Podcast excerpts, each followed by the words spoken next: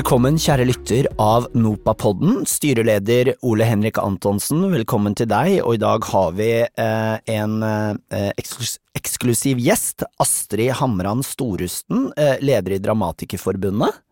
Ja, generalsekretær. eh, Generalsekretær er eh, tross alt den riktige tittelen. Du du og Jens. Jeg og Jens. Ja, ja, det er bra. Velkommen til deg. Eh, Det skal handle om Everything AI, også kjent som eh, alt relatert til KI på norsk. I tillegg til å være musikalartist er du jurist og skrev en eh, oppgave, eh, en masteroppgave i 2019 om KI. Med fare for å høres frekk ut, eh, er den allerede utdatert? Eh, Både ja og nei. Jeg skrev om eh, rettighetene til KI-systemer, vil si til maskinlæringsalgoritmer, så den hadde et veldig sånn teknisk eh, view. Eh, Og du kan jo si at KI har jo fantes i en veldig, veldig lang tid. Dette er ikke noe nytt, og prinsippene er like. Så nei, den er ikke utdatert, men det er klart at det har jo eksplodert, og jeg husker at på den tiden så eh, prøvde jeg å si at noen er nødt til å se på dette som handler om hva vi putter inn i disse KI-systemene, noen må se på det snart. For det er det ingen som har sett på i 2019. Eh, men det var liksom ingen interesse for det, for man, man så ikke hvor fort det ville gå. Så jeg vil si nei, den er ikke utdatert fordi prinsippene er det samme, men det er klart at det som har skjedd i praksis siden det, er veldig stort, og debatten nå er veldig mye større enn den var da. Ja, så må jeg refse deg, Torgny. Veldig negativ. Er den utdatert? Det, du må si at det var veldig fremoverlent at noen i det hele tatt Når jeg ble kjent med Astrid, så ble jeg veldig imponert over at noen i det hele tatt tenkte de tankene å skrive en oppgave som er ferdig i 2019. Da har du jo starta i hvert fall et par år før. Eh, fordi at selv om det er noe som vi har snakka om veldig lenge, som på en måte har vært der veldig lenge òg, så, så er det jo nå, det er jo det siste året der alt bare virkelig eksploderer. Når du virkelig ser Sånn er det jo med teknologi, da. Når, når det kommer et ordentlig gjennombrudd, som evinnelige eksempelet ChatGPT var, da, så der man skjønner at det vi har hørt om i, i, i alle de år, plutselig kanskje er her. Ja, og jeg tenker eh, Det som på den tiden var veldig kjent, var eh, den det Rembrandt-maleriet. Eh, Som var i 2016. En, eh, et KI-system som genererte eh, et maleri, eller en, et bilde, eh, som så ut som det var malt av Rembrandt, fordi det hadde trent på malerier av Rembrandt. Eh, og det eksploderte jo, og det ble kjempemye verdt, og debatten startet jo allerede da. Og på en måte så har jeg tenkt hele veien at det er utrolig merkelig at ingen har tenkt at dette her kommer til å bli et problem. Eh, fordi Rembrandt var ikke et problem, for han døde for mange herrens år siden, og ingen brydde seg egentlig om det. Men eksempelet var jo der, og det var verdenskjent, og det er eh, rart hvordan man ikke klarer å skjønne hvor fort teknologien plutselig kan gå, Mm. før den kommer eh, løpende og treffer deg midt i ansiktet. Så Hvis du, skal, hvis du kan bare ta et kjapt fra 2019 og en statusrapport fra deg, eh, hvor vi står nå i forhold til eh, eh, opphavsrettsproblematikk i møte med KI. Eh, Altså, i, sånn 2018-2019 så var det veldig mye snakk om data. Eh, man snakket om data er det nye gullet, eh, og man snakket veldig ut ifra egentlig tech-bransjens perspektiv. Hvor utrolig viktig god data og god datasett var for å trene eh, kunstig intelligente systemer. Eh, men når man snakket om data, så snakket man ikke om verk selv innenfor opphavsretten, som egentlig var veldig rart. Eh, man snakket om data mer Altså, man snakket om personvern på den tiden, men man snakket mer om data som data, informasjon. Eh, så man snakket eh, mye om rettighetene til data, uten å snakke om verk, som egentlig er veldig rart. Og dette her var innenfor opphavsrettsmiljøet. Eh, og så eh, har man jo egentlig sett at nå når de generative modellene har begynt å eksplodere, vil si KI-systemer som produserer eh, som produserer noe, Altså det Mm. produserer tekst eller musikk eller bilder, og ikke bare eh, sammenstiller informasjon eller eh, produserer statistikk, for eksempel. Eh, så begynner man å snakke om å ja, det er jo verk i den dataen, ja, som vi drev og snakka om for et par år siden. Mm. Hvorfor er det ingen som egentlig så på det? Og det er vel kanskje egentlig den største utfordringen, at, at selv om kunstig intelligens var der, og det var kjempemye debattert i opphavsrettsmiljøet, eh, så forholdt man seg til det som en helt annen størrelse. Det var ikke verkene våre, det var bare eh, noe datagreier. Eh, og så var det egentlig personvern som, som kanskje sto høyest, da. Mm.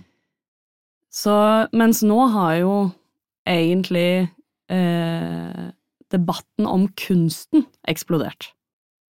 På en måte så er det kanskje ikke så rart at det blir altså det, Med fasit i hånd så er det veldig rart at man ikke så den komme med de eksemplene, men hvis man kikker 20 år tilbake, så har det jo vært den dataen har jo vært veldig mye diskutert av verdien i dataen, våre brukerdata i sosiale medier osv. Vi, vi bytter bort en, en Vi får en gratis tjeneste, men så skjønner man etter hvert at den er ikke gratis, da, fordi at du gir bort masse, masse data hele veien som er verdt noe. Så, sånn at det er kanskje det er ikke så rart at, at, man var liksom fokusert på det, da.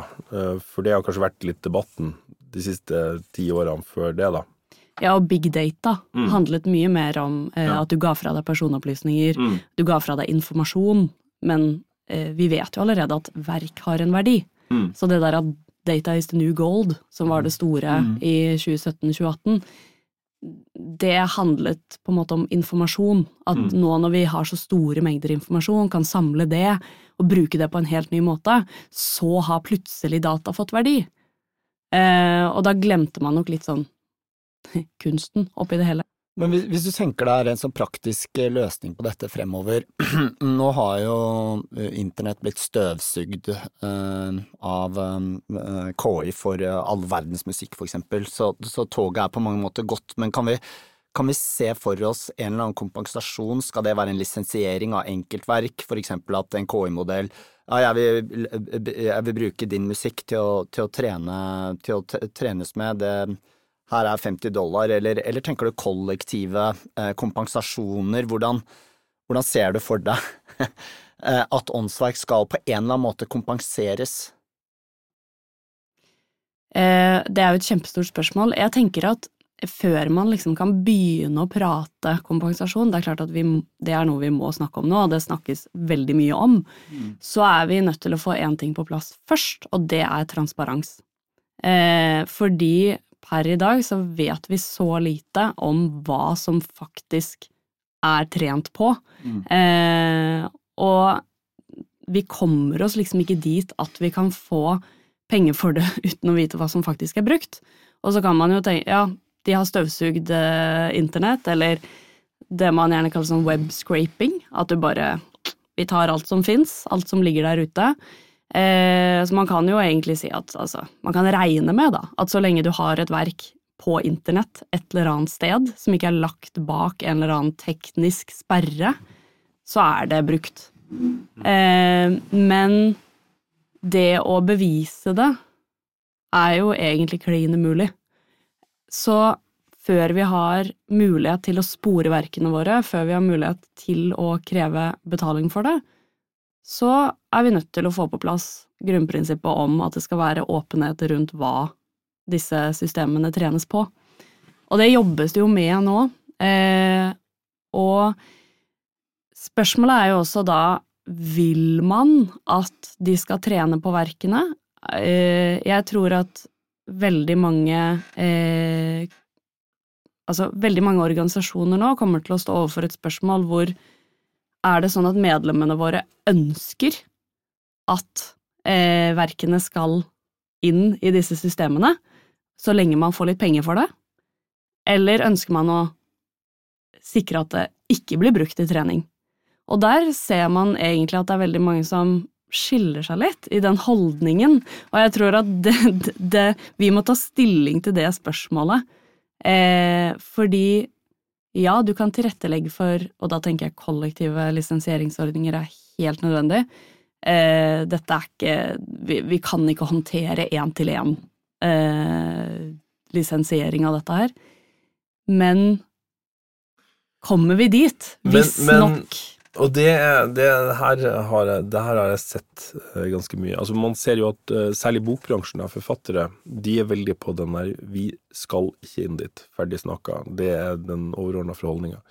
Det her er jo første gang at eh, forfattere i, eller den delen av bransjen, i noe særlig grad blir utsatt for virkelig Altså I musikkbransjen så hadde vi jo piratkopiering, og vi har fått strømmemodellene med alt det det innebærer i, i, i total omveltning av uh, av forretningsmodell, så jeg opplever nok at i, i, våre, i vår krets, da, så er det nok mer sånn at vi Den gjennomsnittsmeninga, eh, hvis man kan si noe sånt, er at vi ønsker en del av en, en, eh, en del av denne kaka, mer enn at, at vi skal kunne hindre. For jeg tror ikke vi tror at vi kan hindre det. Om, om, om vi så får Um, om vi så får en, et papir der det står at deres verk er ikke brukt, så, så vet ikke vi om vi kan stole på det, for vi har sett flere ganger før at det big tech er vanskelig å stole på. Um, så mens det for forfattersida virker for meg annerledes, da. De er, de er liksom på full stopp.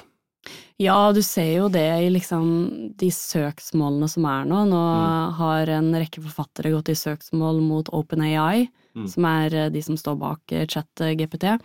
Eh, og, og det er en holdning der om at vi vil ikke brukes, altså vi vil Mm. ikke utnyttes. Eh, og jeg tenker vel sånn jeg, jeg har jo litt sånn inngang til dette her fra et sånn tech-perspektiv. Eh, og eh, gravde meg veldig mye ned i hvordan fungerer dette, hvordan fungerer Altså, hvordan jobber utviklerne med dette her? Eh, og eh, de med så mange milliarder av data som de jobber med, så driter de i om den ene forfatteren har reservert seg, for de har masse annen data å trene på. Mm. Så den Men det er klart at hvis, de, hvis alle reserverer seg, så sliter de. Eh, så, så det er klart at hvis man kollektivt på en måte streiker da, og, og eh, reserverer seg mot at eh, det brukes, så får de et problem.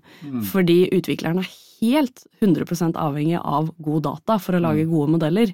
Mm. Eh, Kanskje legger en sånn digital løsning. Du vet sånn, Hvis du gjør et bankran, så får du fargede sedler. ikke sant? Det er sånn ampuls også. Hvis du legger ut en uh, lydbok eller en låt, altså det kommer en eller annen sånn Ja, det har jo vært mye snakk om det, altså om, om at uh, altså, Det blir jo sånn særlig aktuelt på deepfakes og sånne ting, men altså om, om skal få på plass en eller annen form for merking, at du skal vite at det du leser nå, eller det, eller det du hører nå, er generert. Så, det er jo en, det er jo en litt kanskje mer sånn personverndiskusjon enn Men det, men, det, men det er et veldig godt poeng, altså, hvis den tekniske løsningen kan la seg gjøre. Det er jo en lov nå i, Frankrike om at uh, du, må, du må si fra hvis du har brukt uh, Hvis en influenser har brukt uh, filter og ja. ja, sånne type krav, det kommer jo nå. Mm. Eh, altså krav til at du oppgir at det som Mm. det du ser, er AI-generert. Eh, Jeg tror vel eh, at eh, nå har det kommet en tredje versjon av Dolly, den bildegeneratoren til OpenAI, og den genererer jo bilder med sånn merking. Så du ser jo allerede at disse tech-gigantene begynner å begynner å tilpasse seg da, de debattene som er der ute. De ser at det kommer krav, så da prøver de på en måte å tilrettelegge litt for det. Eh, men det er eh, Det er et eller annet med at vi, vi er nødt til å ta litt stilling til hvilken strategi vi skal ta.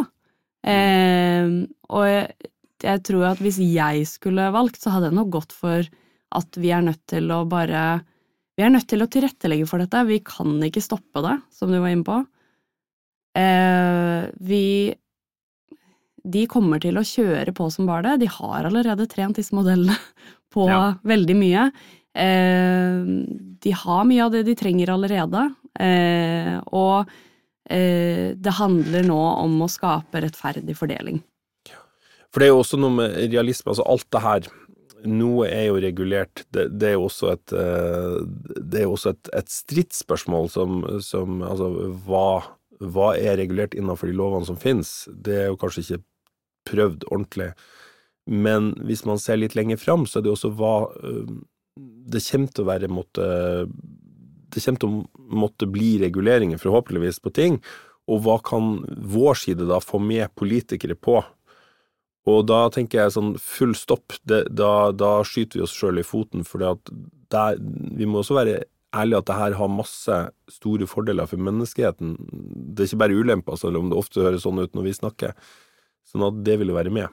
Mm. Og så tror jeg at den det, Der opplever jeg også det en forskjell på, i hvert fall på musikksida, at, at, det er litt mer sånn avslappa. Vi har et veldig eh, Musikksida har alltid brukt ny teknologi. Vi er teknologioptimister, men vi er også litt realister. Vi vet også at nå er det en veldig hype. Eh, og det minner meg litt om de der selvkjørende Teslaene for ti år siden. Det kommer sikkert en dag, men, men det er ti år siden nesten jeg prøvde en sånn bil, og fremdeles er det ikke oppe og står. Og, og, og det, at, det, at, det kommer KI-genererte bøker, romaner, som du med en prompt sjøl Altså Hvis man tenker litt sånn logikken i det Ja, jeg vil ha ei bok som, som er i Jo Nesbø-stil, og Og her er plott, og så skal den, skal den slutte med det og det. Altså, det, da, da, har du jo Hvis du skriver den prompten, da, så er du jo forfatter. Altså, da er du eh, Det kommer ikke hvermannsen til, til, å kunne gjøre, sånn at det blir noe bra, tror jeg. Jo, men jeg, jeg, jeg, skulle til å si det er morsomt at du sier det, for jeg tror, apropos litteratur, at det første som kommer til å ryke eh, i litteratur, eller som, som, kan utfordre menneskeskapt eh, litteratur, det er krimsjangeren. For det er så plottdrevet, og jeg ser for meg at AI kan uh, være utrolig intelligent når det gjelder uh, uh, en slags eksposisjon av plott. Akkurat som det første som kommer til å ryke musikk, er den derre forferdelige heismusikken, hva vi skal kalle det det, eller noe sånn der veldig low level eh, internettreklame for et reisebyrå, et eller annet, altså, skjønner Men der er jo forskjellen at det er bakgrunnscontent, det er noe som egentlig ingen hører på, og det er lett å, å, å være enig i at det, eh, det finnes allerede, og det, det kommer til å finnes, men, men når det er forgrunn Altså det, jeg jobba i en veldig kommers popverden der var det så mange som alltid sa det er så lett å lage Du hører den hitlåten, det er så lett å lage Jeg vet et og annet om hvor lett det er. Og, og det er jævlig vanskelig. Det skrives en million sånne sanger før den ene som går all the way. Selv om de er 98% så ja. Jeg tror at veldig mye fremover eh, kommer til å handle om å sikre at det blir en god overgangsprosess. Fordi altså, verden har vært gjennom tekniske revolusjoner før. Mm. Eh, og det vi står oppi nå, er jo egentlig at vi må tilpasse oss. Eh, og det, det, er man nødt til å gjøre. Altså jeg tenker at eh, Hvis man ikke begynner å bruke disse verktøyene, så havner man veldig fort bakpå. Eh, fordi vi kan ikke stoppe det. Men er det ikke også viktig å insistere på hvor fantastisk det er her? Ja, hvis, eh, det her er visse yrkesgrupper, akkurat som avissetterne på 90-tallet røyk fordi vi fikk eh, datadrevne avisoppsett videre. Altså, eh, eller datamaskinprogrammer osv. og så videre. Så det, altså, det er ikke noe nytt at hele yrkesgrupper kommer til å måtte legge ned videre, men det er jo fantastisk hvordan for eksempel som musikkprodusent dette her kommer til å muliggjøre musikkproduksjon fremover på en helt annen måte. Masring, EQ-analyse. det er jo veldig spennende òg. I positiv forstand, ja. Og, ja, og, og, og, de verktøyene har jo altså siden jeg, jeg er i ferd med å bli en veldig gammel mann etter hvert, men, siden jeg starta, så har jo det også blitt Både med og uten AI eller KI, så har jo det blitt veldig mye bedre, bedre med plugins. At du fikk først presets, du kunne liksom sjekke gjennom 200 presets, så, så var det fort ett som var veldig nærme. Så det har jo blitt veldig mye mer tilgjengelig og veldig mye lettere å lage musikk Um, ja, jeg tenker, Man tar jo egentlig bare bort de kjedelige oppgavene. Ja. ikke sant? Og det er det man må bruke det til. Mm. Man, eh, Istedenfor å bruke all tiden sin på å lage et eller annet oppsett eh, eller en, en, eller annen struktur, eh, så kan du få kunst, bruke kunstig intelligens til å gjøre det kjedelige arbeidet for deg, sånn at du kan få masse mer tid til å drive med det morsomme og selve kunsten. Og jeg tenker man skal liksom ikke være så innmari redd for at eh, KI tar over eh, det som er liksom det originale. ikke sant? Originaliteten og det virkelige kunstneriske uttrykket. KI kommer til å gjøre at man kan produsere mye mer, man kan produsere mye mer selv, man kan levere raskere. Kanskje, det, altså De aller fleste kunstnere jobber jo altfor mye hele døgnet rundt, og eh, kanskje kan man få vanlige arbeidsdager? Good Nå, nå må vi ikke. Men jeg synes det er veldig interessant, godt eksempel. her. Jeg tror det var, eh, jeg lurer på om det ikke var Karsten Alnes på 90-tallet som har skrevet en roman i presens, og så bare nei, fuck, den må i preteritum, eller omvendt. Jeg, og det, det, det er liksom å, å, å liksom omskrive en roman fra nåtid til fortid. Det, er- det er mange arbeidsdager, altså! KI bare boom! Ja, jeg har jo litt meningsløs bruk av tid, kanskje. Eh, Så, så, sånne ting. eh, men det, eh, KI, nå, hvis vi skal bli tillatt oss å bli litt filosofiske et lite sekund her, altså, det er jo bare uh, trenet på ting som har vært. Så sånn sann, sjelelig originalitet eller annerledeshet, hva tenker du om det? I forhold til den- det jeg, tror ikke på en måte menneskelig, sjelelig nyskaping og øh, vil gå ut på dato. Nei, og det som er litt sånn øh, Greia med KI er jo at det er jo bare statistikk og matematikk. Altså, da jeg gravde meg der, så innså jeg at oi, nå må jeg finne tilbake til liksom øh, logaritmene og jeg må, jeg må skjønne dette på en helt sånn matematisk måte. Eh, det er x-er og y-er og variabler og stati statistiske parametere. Det er det det går i. Eh, KI kommer aldri til å ha noen sjel eller forstå hva den faktisk driver med. Eh, men det er klart at man kan komme et sted hvor det begynner å ligne, eller hvor man nesten får følelsen da, av at kunstig intelligens er så oppegående at det er som en menneskelig hjerne. Men det som er eh, interessant, er jo at det analyserer jo det som har vært, og det trekker jo fram kjennetegn ved det som har vært. Så hvis du analyserer eh, eksempel 100 ulike sanger, så vil egentlig KI trekke ut det som er typisk for alle sangene, for å produsere noe nytt. Altså den vil trekke fram de sentrale kjennetegnene og produsere noe som ligner. Eh, mens den vil ikke nødvendigvis eh, tenke oi, der var det noe veldig interessant med den sangen. Hvis vi bruker det inn eh, med det elementet, så blir det litt nytt. Ikke sant? Det er jo en slags reproduksjon av det vi allerede har gjort. Men man kan jo få originale glitches, lurer jeg på. Hvis jeg skriver uh, uh, lag uh, en verdenshit utelukkende med prompelyd, så kan det oppstå et eller annet som bare What the fuck, I never heard this before! Ja ja, men det er jo altså hva er på en måte original kunst, da?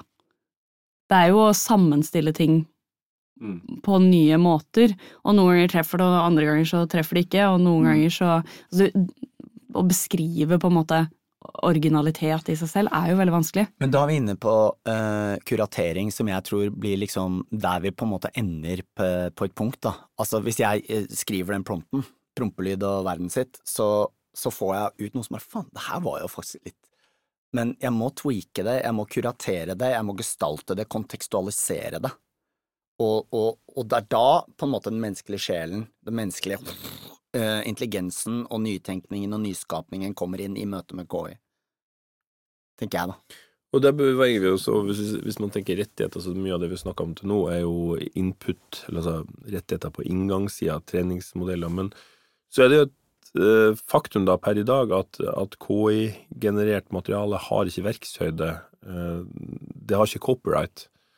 Men hva, hva tenker du som, eh, som jurist, Astrid, om det i framtida? Vil, vil det måtte få det, eller, eller hva, hva vil man legge som um, det er jo et element av altså KI-generert. Hva betyr altså sånn, Hvis du skriver den geniale prompten, den kan jo være kjempelang. Hva, hva hvis verktøyet du jobber med er altså der du før stemte gitaren din og, og, og spilte de akkordene, når du nå skriver inn hvordan det skal være Kanskje det kan ses på som akkurat samme jobben, men det som kommer ut på andre sida av boksen, er da ikke godkjent som et, eh, s- som et verk. Hva tenker du om det? Ja, altså um, Det er uh, Det er jo sånn at man tar utgangspunkt i at det som er KI-generert, Ja. ikke har beskyttelse. Ja. Ikke er et verk. Eh, men det er ikke sånn at det alltid er det, for hvis man kan bevise, da, eh, hvis man snakker litt sånn rettslig rundt det, hvis man kan bevise at det er noe menneskelig kreativ innsats der, eh, Ja. i det resultatet, så er det beskytta. Eh, Så hvis Torgny skriver at uh, litt mer enn at han bare skal ha verden sitt med prompelyd, men at han beskriver øh, det verket.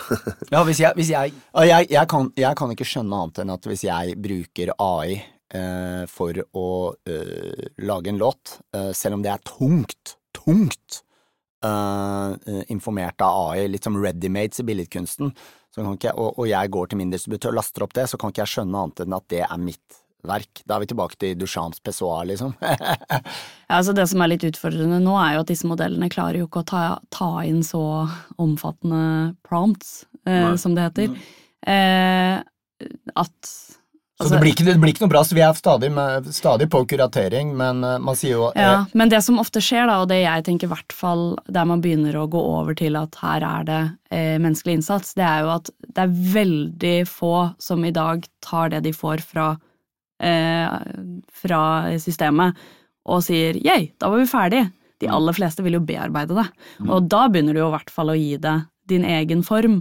Eh, og så snakker man jo om såkalt prompt engineering, som handler om at eh, det kommer til å bli en kunst, det å kunne gi gode nok prompts til kunstig intelligens. Eh, og så kan jo man jo begynne å tenke seg at ja, kanskje de, kanskje de klarer å ta imot så mye eh, instruksjoner fra mennesker at det i seg selv kan være nok til at det som genereres, er beskytta. Eh, men per i dag da, så tenker jeg ikke at vi er der at det fins eh, så veldig mange helt genererte verk. I hvert fall ikke som genererer penger. Eh, altså Det produseres jo drøssevis, alle sitter jo der ute og skriver inn til ChatGPT og Midjourney og, og så videre, men, men, eh, men spørsmålet blir jo, når dette legges ut på Spotify, da, Mm. hvem skal få penger fra det? Skal de i det hele tatt generere noen inntekter? Hva, hva er dette her for noe? Eh, og jeg ser jo for meg en slags sånn Du har en linje der du på den ene siden har de helt KI-genererte eh, resultatene, som ikke er beskytta, til det som er så bearbeida eh, at og utført av mennesket at det har beskyttelse. Og mellom der så kan det jo finnes masse forskjellige tilfeller som eh, vi verken kan si med sikkerhet eller ikke-sikkerhet at det er beskytta før det har vært oppe til, eh, til domstolene. Mm. Eh, så problemet her er jo også, og det var det også liksom, da jeg begynte å kaste meg over dette eh, for en del år siden, at det er ingen av disse svarene eh, som vi jurister kan gi som er sikre, fordi det har vært så lite i rettssystemet. Altså vi har så lite sikre svar å gi. Mm. Eh, og det i seg selv er jo ganske frustrerende. Eh, Men da beveger vi oss jo litt inn på debatten som har vært i høst. Altså der, der um, en, en kort recap der uh, Tono var vel blant de første i hvert fall som var i Kulturdepartementet og snakka om de her uh, syv prinsippene som blant annet SISAK og en rekke organisasjoner har, har underskrevet. Hvordan man kan se for seg at en, en, en fremtidig regulering kan være, og, og der man rett og slett ber om at lovverket må gjennomgås uh, i lys av KI. Og der responsen har vært i stor grad at her, vi har et lovverk, det her må dere teste i, i rettsvesenet, som blir litt sånn for meg en god dag mann økseskaft. Altså, vi, vi kommer til dere og sier at loven er ikke bra nok, kan dere se på den?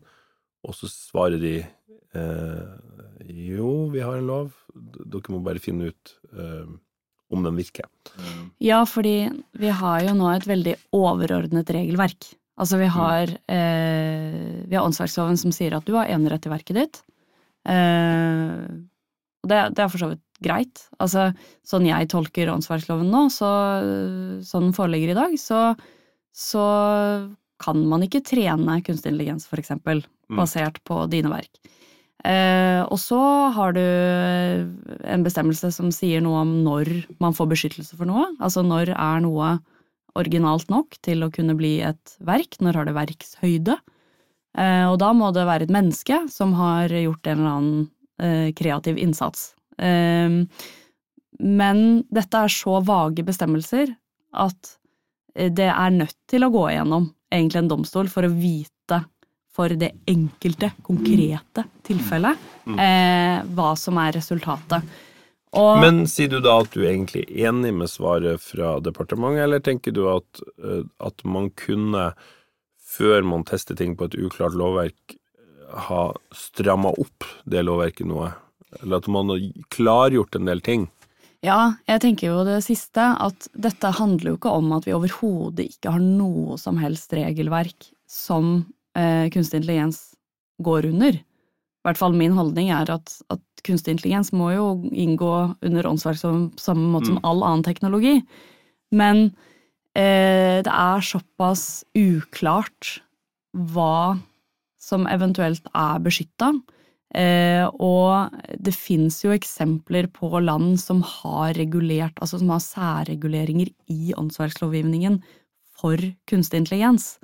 Eh, du har for eksempel eh, lovgivning, dette er litt sånn ulike land rundt om i verden som har regulert det som genereres ut da, av KI, er det beskytta eller ikke? Og så har man istedenfor å si at det er et verk, så har man gitt det en eller annen sånn særbeskyttelse. Ja. Eh, litt sånn som produsentrettighetene, på en måte. At man har en egen bestemmelse som, som, sier noe om hvem som har rettigheter til det, hva som skal til for at, så det, det er beskytta. Det har verkshøyde, selv om det er KI ja, eller det er det det på en måte ikke har, fordi man har valgt å særregulere det. Så man sier at dette skal ikke høre inn under nettopp, det, som han, det, som er verk. Det er noe eget. Det må vi regulere på en egen måte fordi det er så spesielt. Eh, og når det kommer til eh, dette med å gå til sak, da, så jeg opplever jo at, at det utspillet eh, sier noe om at de ikke forstår på en måte hvilken situasjon vi står i. Mm. Da må man jo saksøke OpenAI, da. Det er lett. Men jeg, ja, apropos det, for det jeg har tenkt å spørre om, fordi uh, dette er jo uh, verdensomspennende, verdensparadigmatisk skiftende uh, world politics, holdt jeg på å si. Det er, det er big tech capitalism på way beyond lille Norge. Det nytter ikke å liksom, få en endring i KI med å gå til kulturministeren i Norge. Vi må i det minste gå til EU, og, men problemet der er jo at EU først og fremst bryr seg om KI for å uh, uh, unngå terrorisme, for å unngå så, så åndsverksproblematikk uh, er langt ned på EUs KI-liste. Hvordan skal, hvordan skal vi på en måte kjempe frem vår sak? Det er et veldig godt spørsmål. Fordi det er vel det som er litt utfordringen, at eh, man kan jo si at opphavsretten har liksom alltid vært 10-15 år etter når det kommer til lovgivning, fordi man blir alltid satt i andre rekke. Altså personvern, sikkerhet, helse osv. kommer jo til å bli prioritert, og det er jo det vi ser, ikke sant. Den nye digitaliseringsministeren vår nevner ikke kunst og kultur når hun sitter i Dagsnytt 18 Nei. den dagen hun blir eh, digitaliseringsminister, da er det personvern, helse og sikkerhet. alt annet enn en opphavsrett og rettigheter. Ja, og vi er nødt til å samarbeide over hele verden eh, for å egentlig ha samme strategi. Og vi må, få, vi må få internasjonale regler på dette her, fordi det som er veldig farlig, er hvis dette her blir såkalt race to the bottom. At eh, big tech-gigantene går til det landet som har den svakeste lovgivningen hvis de etablerer seg ikke sant, i de landene som sant, TikTok i Kina, Mm. eh, og, og de velger å, å etablere seg der, hente inn data i de landene, i sted, så, og så gidder de ikke å gå til de landene som har den sterke lovgivningen, så får vi et problem. Og der er jo ja, altså, Irland og skatt har jo gjort akkurat det. Så hvis, man ser for seg at f.eks. Irland da gjør det samme på, på rettigheter, så, så Men det, det jeg skulle si i forhold til din innledning der, eh, Torgny, det er klart at det her må det her må ordne, det må løses på et overordna internasjonalt plan. Men eh, jeg tenker at den passive norske forholdninga her er litt sånn påfallende. Jeg tenker at vi er et av verdens mest digitaliserte land. Vi har store ressurser. Vi burde ta en Hvis det her hadde vært olje eller eh, fisk, for å si det sånn, da, så hadde Mm. vi tatt en ledende internasjonal rolle, og det burde vi gjøre her òg.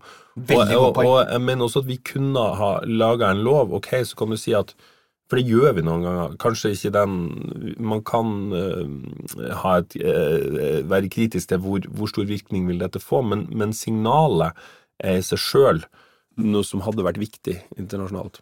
Så det var et lite hint til uh, politikere som har internasjonale ambisjoner. Her har du en oppgave som du virkelig kan fucking make a career of. Come on, come on!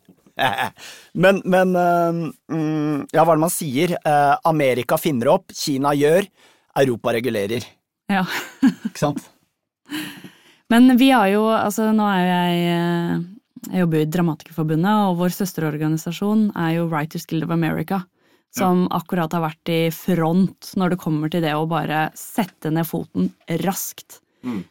De er en kjempestor fagorganisasjon. De har enormt mye makt. En av de sterkere fagorganisasjonene i USA. Og organiserer jo da manusforfatterne som jobber i, i Hollywood for, på TV-serier og filmer. Og de er alltid veldig raske og, og, tenker at ok, her kommer det en ny teknologi, vi må vi må regulere den. Eh, med en gang. Det har, det har, alltid vært deres strategi. Vi må regulere den med en gang i avtalene. Og eh, mens dette, denne store revolusjonen, eh, kan man jo si, som har skjedd det siste året, skjedde, så satt de i forhandlinger med de store studioene i USA um, og med strømmetjenestene.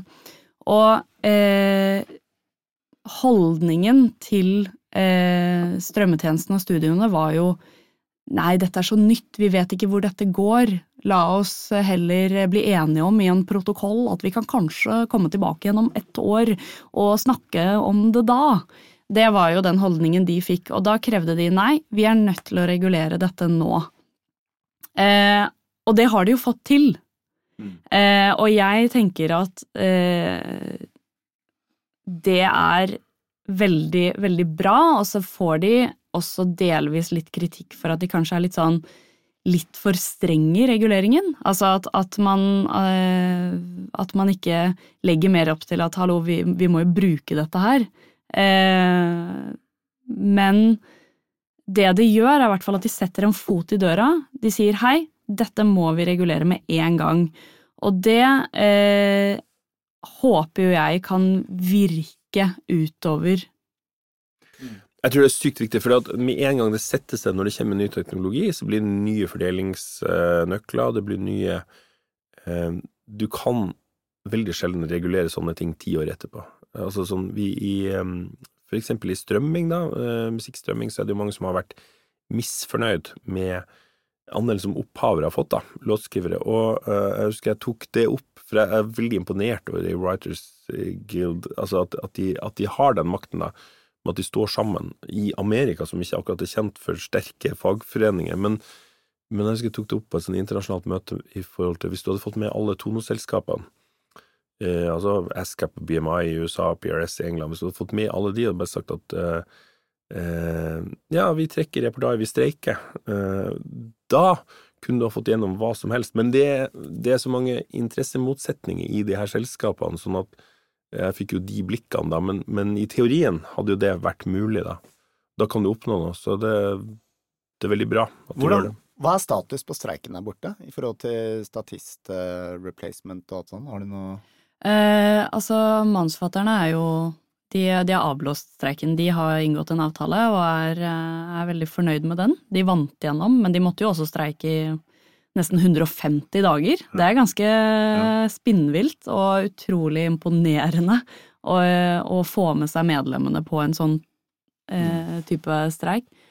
Men skuespillerne de jo, gikk jo også ut i streik bare en måned eller to etter manusforfatterne, og de streiker fortsatt. De har ikke blitt enige med selskapene.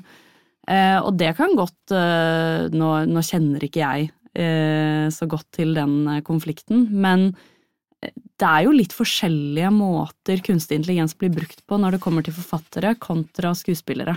For det er klart at eh, disse selskapene kan jo spare enorme summer hvis de får lov til å bare ta Skanne en statist, og så kan de bare sette dem inn mm. eh, i, i, eh, i scener. La oss si en fotballstadium, ikke sant. Du, og så kan du bare sette Har du sett inn? Har du sett alle? ja, Sette inn publikum eh, som du ellers måtte betalt for. Ja. Eh, så, så jeg tror det kanskje ligger en del mer økonomiske interesser der enn det gjorde i manusforfatterstreiken. Eh, fordi man uansett er nødt til å ha en viss base med manusforfattere, og her er det jo snakk om på en måte skriverom på, på et sted mellom gjerne fem og ti forfattere. Det, er- liksom ikke snakk om 100 statister på Nei. eh, en fotballstadion. Så eh, jeg tror, jeg tror de kanskje er litt tøffere mot skuespillerne når det kommer til dette her. Men det Det blir veldig spennende å se hva de får eh, Jeg, jeg trodde kanskje at da de ble ferdig med manusstreiken, at da var liksom selskapene klare til å inngå en avtale med skuespillerne også. Mm. Og så viser det seg at der er det fortsatt eh, veldig harde fronter. Vi, eh, ja, vi, vi snakka litt om det med, med internasjonal regulering, og eh, EU er jo en, en, en player her. Eh, det, EU, det, det har vært veldig mye snakk om det arbeidet som EU gjør med AI Act, og jeg kan si også at vi hadde en EU-parlamentariker som heter Svenja Hahn, på vårt panel i Arendal. Vi skal prøve å få ut en sånn bonuspodkast med et lite intervju vi gjorde med henne. Men Astrid, hva, hva er det som skjer i, i eh, EU som vi bør være oppmerksom på? Det er, eh, man kan si det er to ting. Du har AI Act, eh, som er på gang, og som de har holdt på med et par år, men som Som egentlig ikke hadde noe med opphavsrett å gjøre. Eh, det har igjen handlet om hvordan skal vi sørge for at eh, kunstig intelligens brukes på en sikker måte, med tanke på helse eh, og personvern og osv. Og, så og det den ønsker å regulere bruken, hovedsakelig, av kunstig intelligens. Altså at man skal ikke bruke kunstig intelligens på veldig risikobaserte områder. Men eh, så har det vært mye lobbyvirksomhet for å få AIAC til å også si i hvert fall noe eh, som har med opphavsrett og rettigheter å gjøre. Og eh, det har man til dels klart. Blant annet så har man fått eh, inn en artikkel i den forordningen som handler om dette med transparens.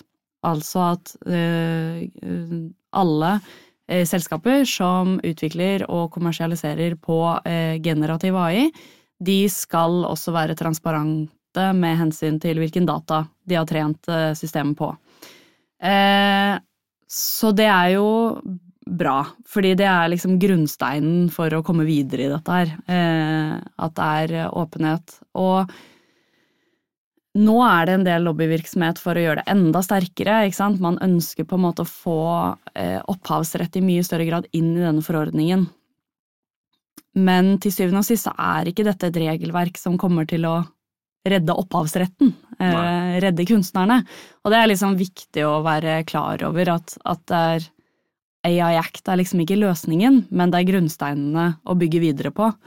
Um, mens vi har jo også eh, Opphavsrettslovgivningen er jo veldig europeisk, eh, og der eh, er det jo et direktiv som vi snart skal implementere i norsk lov, som heter digitalmarkedsdirektivet, eller DSM-direktivet.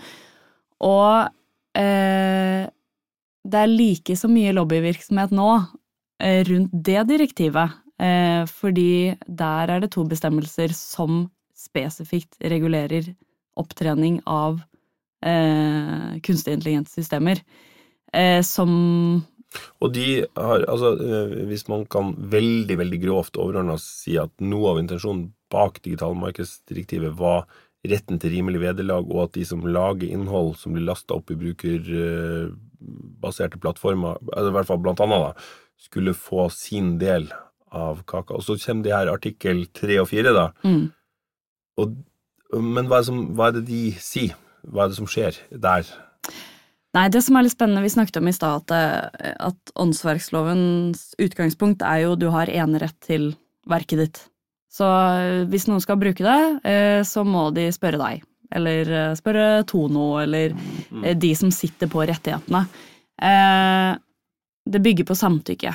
men det er jo også sånn at, at loven har en del unntak. Så du har eksempel lov til å sitere, du har lov til å bruke mm, musikk og tekst videre i klasserommet, ikke sant. At det er, det er en del unntak i lovgivningen som skal prøve å balansere ut, da, så det ikke blir sånn helt monopolsituasjon eh, rundt, eh, rundt verk. Og eh, i dette DSM-direktivet, som jeg er helt enig i, det skal være der for å styrke rettighetshavernes posisjon. Et kjempeviktig direktiv eh, som vi gleder oss til å få inn i, Som i vi norsk skulle lov. ha hatt for lenge siden. Det må også Absolutt. sies. eh, vedtatt i 2019 eh, i EU. Og som eh, har gjort at norske opphavere har tapt penger, uh, for eksempel på YouTube-inntekter. Hadde vi hatt DSM-direktivet nå, stemmer ikke det, Ole Henrik, så, så, så hadde vi allerede Det er meninga bak det. Altså, man kan forvente at, eh, at f.eks. musikkopphavere og andre opphavere tjener mer. Mm. Det er utrolig mye bra med det direktivet. Mm. Eh, men da det ble vedtatt så i 2019, så som sagt, det var, man snakket ikke så mye om eh, kunstig intelligens og, og verk eh, på den tida. Da var det liksom dette med data og så videre. Og eh, det er to bestemmelser i det direktivet som handler om såkalt text and data mining. Eller tekst- og datautvinning. Igjen, ikke sant, det er sånn data står i sentrum. Som er unntaksbestemmelser fra denne eneretten. Som sier at den Det er artikkel tre som sier at til forskningsformål og undervisningsformål osv. Så, videre, så kan man bruke verk til såkalt tekst- og datautvinning. Og så har du artikkel fire som sier at uh, man kan drive med tekst- og datautvinning og trene basert på uh, verk uh, til kommersielle formål. Og disse er veldig sånn eh, De ser veldig sånn uskyldige ut i, i dette direktivet. Det var ingen som tenkte på at dette her kom til å bli et problem. Man tenkte kanskje at ja, ja, dette er sånn her eh, statistikk og matematikk og Nerds oppå Blindern Ja. for å holde på med. Ja. Eh, dette har ikke noe med oss å gjøre, tror jeg veldig mange egentlig tenkte, og at det var veldig få som egentlig var med å diskutere konsekvensene av de bestemmelsene. Eh, fordi tekst- og datautvinning er i prinsippet det all kunstig intelligens består av. Eh, det analyserer Mm. Data.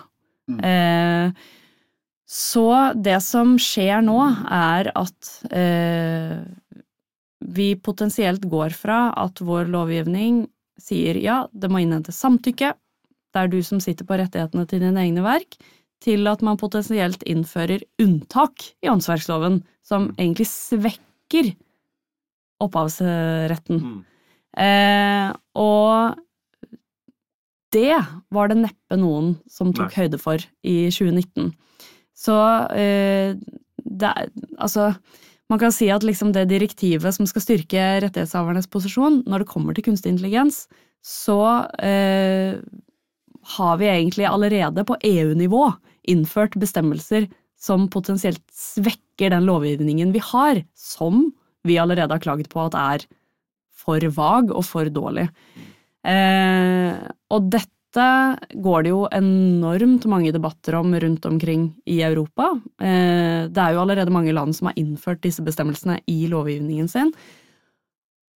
Og eh, det blir veldig spennende å se om det skjer noe med dette her, altså om EU kommer til å ta tak i det og si ok, dette var litt urimelig, kanskje vi skal ombestemme oss, eh, rett og slett.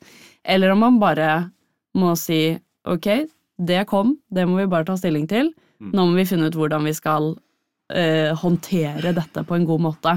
Fordi det de bestemmelsene også sier, eller artikkel 4 sier, det er at rettighetshaverne kan opt-out, altså reservere seg mot dette unntaket, da. Eh, men det må skje i machine readable form. Altså, ja. Og hva er det? Mm, Det vil si at eh, du må få det egentlig inn i det man kaller metadataen på verket. Så når du publiserer en sang på eh, Spotify, for eksempel, så er det jo alltid knytta en rekke data til dette, som sier noe om det verket. Eh, det har som regel et eller annet ID-nummer, som dere ofte ikke vet om, for det er jo hemmelige greier.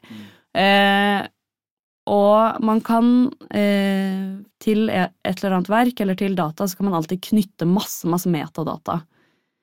Og denne opt-outen, eller reservasjonen, må egentlig ligge i denne metadataen. Det må være noe som disse tech-gigantene får opp som sånn red alert, red alert, her er det en metadata som sier dette Ikke bruk. er Ikke bruk dette Ja, verket. ja. De, eh, altså Silicon Valley kommer aldri til å sitte og tenke sånn hm, har de kanskje inngått en avtale? La oss, sjekke, la oss La slå opp. la oss slå opp og la oss sende dem en e-post for å høre om de, vi kan lese den avtalen. De bryr, de, bryr seg, de. de bryr seg om ett-tallene og nullene, ikke sant? Ja. og om de finner denne reservasjonen i den dataen de Mm. har henta ut. Men tenker du da at det skal være defaulten? Så eh, per definisjon bør alle nye verk som lastes opp på internett eh, ha en opt-out by default?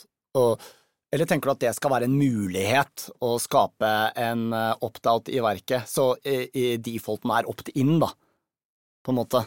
Det, det, det, beste er jo å, å, å ha defaulten som nei, dette skal ikke trenes, og så kan du eventuelt velge å Ikke sant?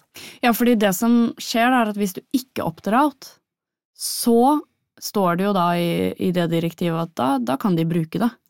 Eh, Men og- defaulten er opt-out. Ja, problemet med den defaulten er at eh, per nå så er det jo ingen praktiske muligheter for å opte out. Altså, vi har ikke systemet for dette, og det er jo det eh, som blir veldig sterkt kritisert. Eh, at man innfører unntak, så sier du ja, men vi har, vi har balansert det ut, for vi har en reservasjonsrett. Men mm, hvis du ikke i praksis kan utøve den reservasjonsretten, så er det jo ikke noe vern.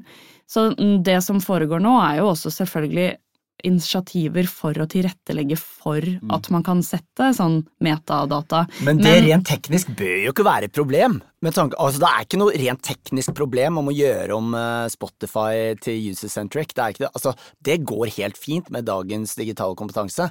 Jeg vil jo innbille meg at det er praktisk digitalt kompetent mulig å Ja, Med metadata, med et vannmerke. helt, helt klart, men jeg tror også en av grunnene til at vi ikke har metadata i dag, og da snakker jeg om internasjonale standarder, ikke sant, at ett verk har én ID som alle i hele verden forholder seg til, eh, det er jo at det er interessemotsetninger her.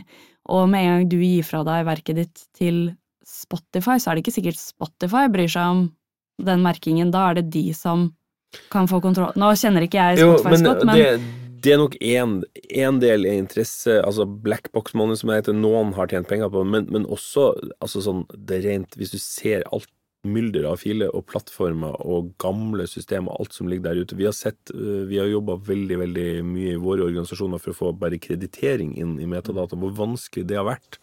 Og hvor mange versjoner det finnes av hvert eneste verk der ute av samme innspilling. Altså, det er helt sykt, da. Men jeg er jo for at AI skal redde dette her. Det er kun AI som kan redde oss. AI er også sånn presisorisk greie, men jeg tenker sånn rent for å dra det tilbake til digitale steinalderen. Enhver låt har, som du sier, en universell eh, eh, identifikasjon på internett. I musikkbransjen heter det IRSC-kode. Det er elleve digits. Hvis man da hadde fått inn et tolvte digits, da, som er X, la oss si at alle ISR-seere med X er den, vannmerket du trenger. Det er ikke vanskeligere enn det! Nei. Ja, det, er, Eh, det er musikkfil, da, men Ja, det ja, her vil jo være ja, alle ja, ja. tekster. Ja, jo da. Men for å bruke det som eksempel, Ja, ja da. det er ikke fuckings rocket science. Nei, og det er det jeg tenker at det er ikke umulig å lage dette, men eh, for eksempel innenfor det audiovisuelle feltet, som jeg opererer rundt, så er det jo på en måte den makten, da. Den sitter jo hos distributørene og produsentene. Det er ikke opphaverne selv som bestemmer hvordan metadata skal settes. Eh, og jeg tror jo at nå Og i det audiovisuelle sa man nada internasjonal eh, merking. Altså eh, når Altså, NRK eh, merker én episode på en helt annen måte enn det det ville gjort hvis det var sendt på TV2. Bare liksom hver eneste kanal har hver sin unike ID for eh, filmer og serier som sendes på TV. Eh, og det er det en grunn til, fordi det har ikke vært noen vilje hos produsentene og distributørene til å samordne seg. For jo mer samordning på metadatanivå, jo sterkere blir opphaverne. Fordi eh, når vi ikke kan spore verkene våre, så er det mye vanskeligere å tilrettelegge for kollektiv lisensiering. Fordi hvis vi skal ha kollektiv lisensiering på plass, så må vi ha metadata, sånn at vi kan begynne å spore verk. Og hvis ikke så blir det sånn kompensasjonsordninger der man egentlig ikke vet hva som er brukt, og så skal vi prøve å fordele dette på en eller annen måte. Ikke sant? Jo mindre vi vet Altså, data er det nye gullet. ikke sant? Det å ha systemer som kan spore verk, som kan merke verk, er superviktig. Og jeg tenker at dette er noe som må løses antageligvis innenfor hvert felt, ikke sant? for alle har ulike utfordringer. Men la oss si billedkunsten, da, altså det lastes opp på ulike nettsider. Der, og det, det, ligger så mange steder, ikke sant. La oss si en sang blir lastet opp på YouTube, da. Hvor ligger den Altså, følger den metadataen da, hvis det er noen som har tatt ditt mm. verk og mm. implementert det i en i, i, en film som legges opp på en eller annen Ja, AI er flink der, da. Altså, YouTube har bra AI til å detekte Hvis, hvis jeg prøver å legge opp uh, Rolling Stones på en hjemmevideo jeg, uh, som jeg har barnet mitt som spiser is, liksom, så sier det du uh, kan godt bruke den Stones-låta, men da skal de ha pengene. Ja, det, det, er sånn, det, er default. Det, det, det, begynner å bli veldig bra. Altså. Ja, og det, og det er jo Altså, YouTube bruker vel, som jeg er kjent med, i hvert fall kunstig intelligens nettopp til å gjenkjenne ja, verk. Og det, er jo det kunstig intelligens er dritgod på, ikke sant? for det, var utgangspunktet. Mm. Man lagde, altså Google lagde sånne ikke sant? Når du søker på hund, mm. så henter jo Google inn hund. Da har mm. den lært seg å kjenne igjen hund i alt som ligger ute på internett. Eh, så er det én ting eh, kunstig intelligens er, bra på, så er det gjenkjenningsteknologi. Mm. Og det hadde jo vært dritfett om liksom alle om, om, vi kunne gå sammen om å lage en eller annen AI eh, Et eller annet AI-system som rett og slett kunne mates med alle verk. Altså man kunne på en måte registrere alle verk der. Den kunne lære seg å kjenne igjen alle verk og bare automatisk merke uansett hvor du publiserte det på nettet. Ole Henrik, husker du vi var på et foredrag med et svensk eh, firma som hadde tatt utgangspunkt i den derre tårnlåta til Natalie Imbruglia og brukt en AI-søk eh, på det i forhold til eh, hvordan nå så rapporteres det jo til og med rent fysisk med ark. Ja, vi er et radiostasjon, vi har, bestilt, vi har, vi har spilt Natalie Imbruglia, og det var helt utrolig hvor mye penger som den låta har gått glipp av fordi, fordi det er human error, da. Så AI er, er, jo en fantastisk mulighet, som du sier, til, um, til å, å, å, være med og være Til å være presis. Absolutt. Og, og det, det, er jo det som, som vi kommer til å få ut av det her som blir bra, tror jeg, på et eller annet tidspunkt. Jeg tror at vi må begynne å runde av, men uh, jeg, har, jeg, har, jeg har, en undring til, for jeg ja. lov, hvis vi først ja, ja, har en uh, autoritet her. Kjør. Oi. Uh, et litt sånn krystallkuleaktig spørsmål, muligens. Uh, jeg tør påstå at algoritme er et meget sentralt og relevant, kanskje et av de viktigste ordene uh, i dag og fremover. Men husker du hva som var det store buzzwordet innenfor data og teknologi og digital i 2017? Det var vel også algoritme, egentlig? Nei, folk snakket om algoritme, men det de snakket mer om, blockchain. Hvem i helvete snakker om blockchain i dag? Og da er spørsmålet mitt, er det noe blindsone? For det store nå er jo KI, KI, AI. Det er liksom, Algoritmen har jo egentlig vært der hele tiden. Men har vi noe blindsoner? Det er spørsmålet mitt. Er det noe er det noe sånn, Man trodde jo at man var veldig redd for at VHS skulle ødelegge en hel generasjon med barn i forhold til vold og sånn. Det skjedde ikke. Det ble bare en deilig måte å se uh, Altså, har vi noe blindsoner der? Det er vel øyet som ser, Torg. ja, eller det er vel Altså, blindsonen er vel kanskje nettopp det, at vi blir så sinnssykt opptatt av at å nei, dette må vi regulere, og dette er farlig for oss, og så videre. At vi ikke ser mulighetene. Fordi blockchain også nå har vi akkurat snakket om at AI kanskje kan løse dette med metadata og merking, ikke sant? men blokkjede også er jo en teknologi som i utgangspunktet hadde vært genial å innføre på eh, vårt felt. Fordi eh, det knytter jo et verk til rettighetshaverne. Sånn at hver eneste gang det skjer en transaksjon, så, så, så, får, så går den transaksjonen direkte til de som har rettigheter i det.